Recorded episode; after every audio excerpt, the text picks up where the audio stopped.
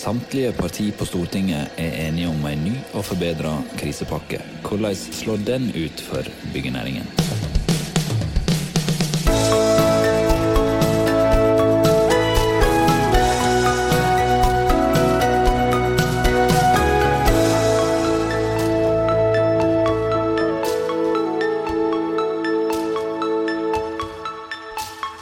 I dag, mandag 16. mars, ble samtlige partier på Stortinget altså enige om ei rekke tiltak som skal sikre både bedrifter og arbeidstakere som blir rammet av koronakrisa. Den skal vi få administrerende direktør Jon Sandnes i Byggenærings Landsforening til å vurdere. Men først så kan vi dra gjennom de viktigste punktene i det som blir vedtatt på Stortinget, trolig i løpet av veka. Folk som er permittert, de skal altså sikres full lønn inntil 6G i minimum 20 dager fra permittering. Det betyr altså at staten dekker dette fra dag 3 til 20. Det blir presentert en ny ordning for frilansere og selvstendige næringsdrivende, som sikrer de 80 av gjennomsnittsinntekta si for de tre siste åra, begrensa opp til 6G. Og det skal også sikres sykepenger fra dag tre og omsorgspenger fra dag fire.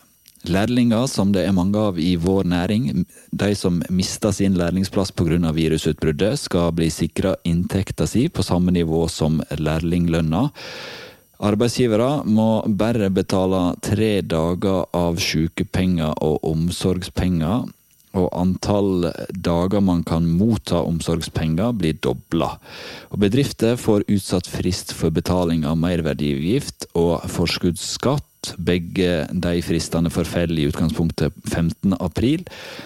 Og den laveste momssatsen blir redusert til 8 og for de som mottar sosiale ytelser, så blir aktivitetskravet lagt på is inntil videre.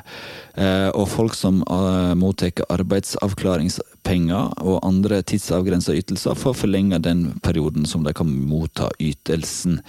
Dette er altså de punktene som blir presentert i dag i grove trekk.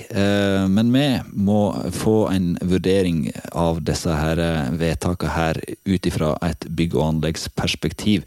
Jon Sandnes, administrerende direktør i Byggenærings Landsforeningen, han var med oss på fredag da den første tiltakspakken ble presentert. Den gangen var ikke lyden ifra byggenæringen så veldig positiv. Det trengtes mer. Nå er det kommet mer, og nå skal vi høre hva Byggenæringens Landsforening mener om det som ble presentert mandag 16. mars. Hvordan vurderer Byggenæringens Landsforening den krisepakken som nå regjeringen har kommet med? Jeg opplever at den krisepakken som kom i dag, den har vi all grunn til å være fornøyd med. Det som vi var svært opptatt av, det var at det som jo er en helsekrise, veldig fort med de tiltakene man da gjorde før helgen, tegnet seg til å bli veldig fort en likviditetskrise. Og Det vi da var opptatt av, det var å få på plass et permitteringsregelverk knyttet til både permitteringer, sykelønn og omsorgslønn som var mest mulig likt.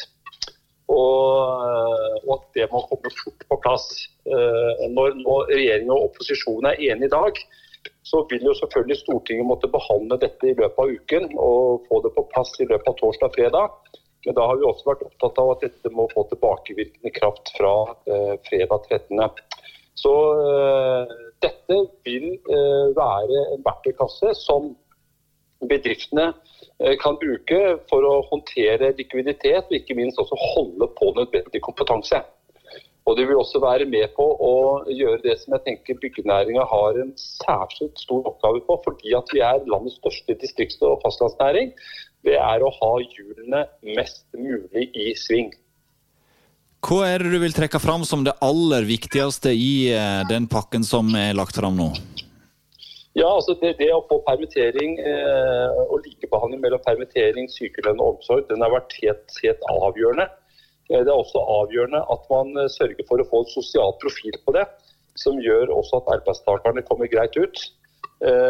Det at man også har kommet med å gi mulighet for kriselån og opp mot en ramme nå på 100 milliarder, den er også svært viktig.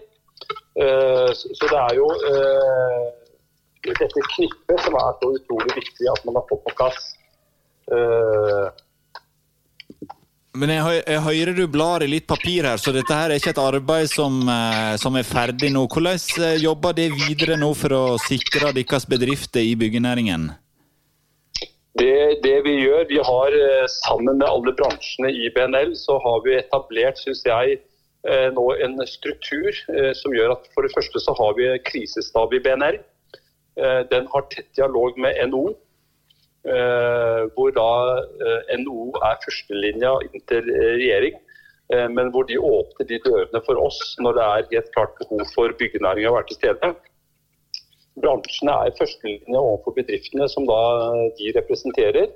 Og så har, setter vi opp da kan du kalle det kyndige folk som skal kunne både svare ut og ikke minst også utrede spørsmål som kommer, som gjør at vi må melde tilbake til myndighetene at her trenger vi tiltak.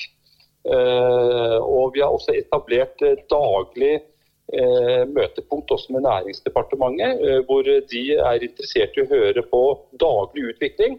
Og at vi også sånn sett kan spille inn forslag til tiltak på en rask og effektiv måte. Så jeg opplever at her er det eh, sterk eh, dugnadsånd, eh, som også da er helt nødvendig for å hjelpe bedriftene i en svært vanskelig situasjon. Byggenæringen har, som vi har vært inne på tidligere, mange, mange underleverandører og mange ledd. Eh, har snakka med bemanningsbransjen i dag, som eh, er veldig, veldig uroa over utviklingen.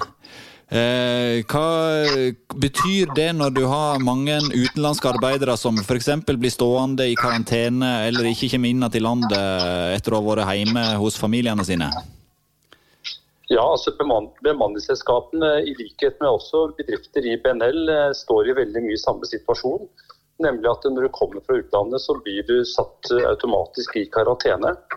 Eh, det som, det som også er en kjempeutfordring, som vi får tilbakemeldinger fra bedriftene, det er jo at det å behandle den norske grensen med de reglene som er der, er jo krevende i seg selv. Men når enkeltkommuner begynner å betrakte kommunegrensen som en landegrense, det betyr at man eh, stopper også eh, arbeider inn i egen kommune som om det skulle vært eh, samme, samme regler som å komme inn til Norge. Da har vi fått en situasjon som er usedvanlig krevende. Så Vi har jo også da tatt kontakt med både Kommunaldepartementet, men også justis, og etterlyser noen klare retningslinjer her på hvordan dette skal håndteres nasjonalt. slik at ikke vi får vanskeligheter med å sende arbeidsfolk rundt omkring på anleggsplasser og på byggeplasser. Det der hadde vi et konkret eksempel på søndag kveld, der mange mm, i eh, anleggsbransjen var bekymra for eh, sine arbeidere som skulle krysse fylkesgrenser.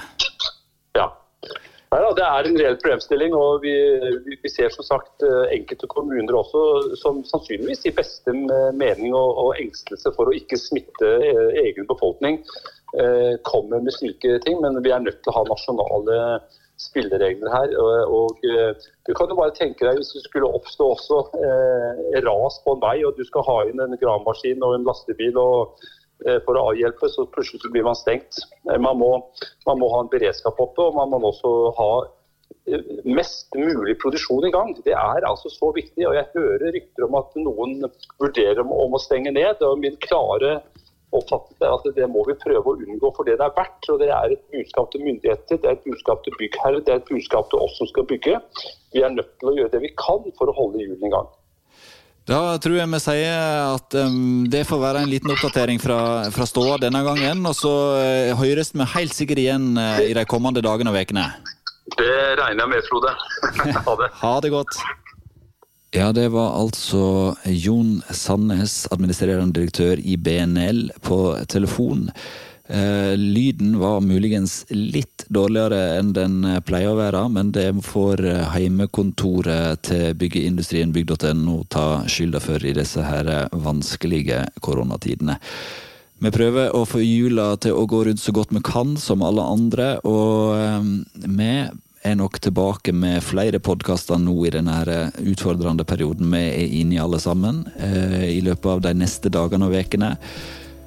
Du finner flere podkaster både om koronakrisa og om andre aktuelle ting for bygg og anlegg på bygg.no byggeplassen, eller der du hører din podkast.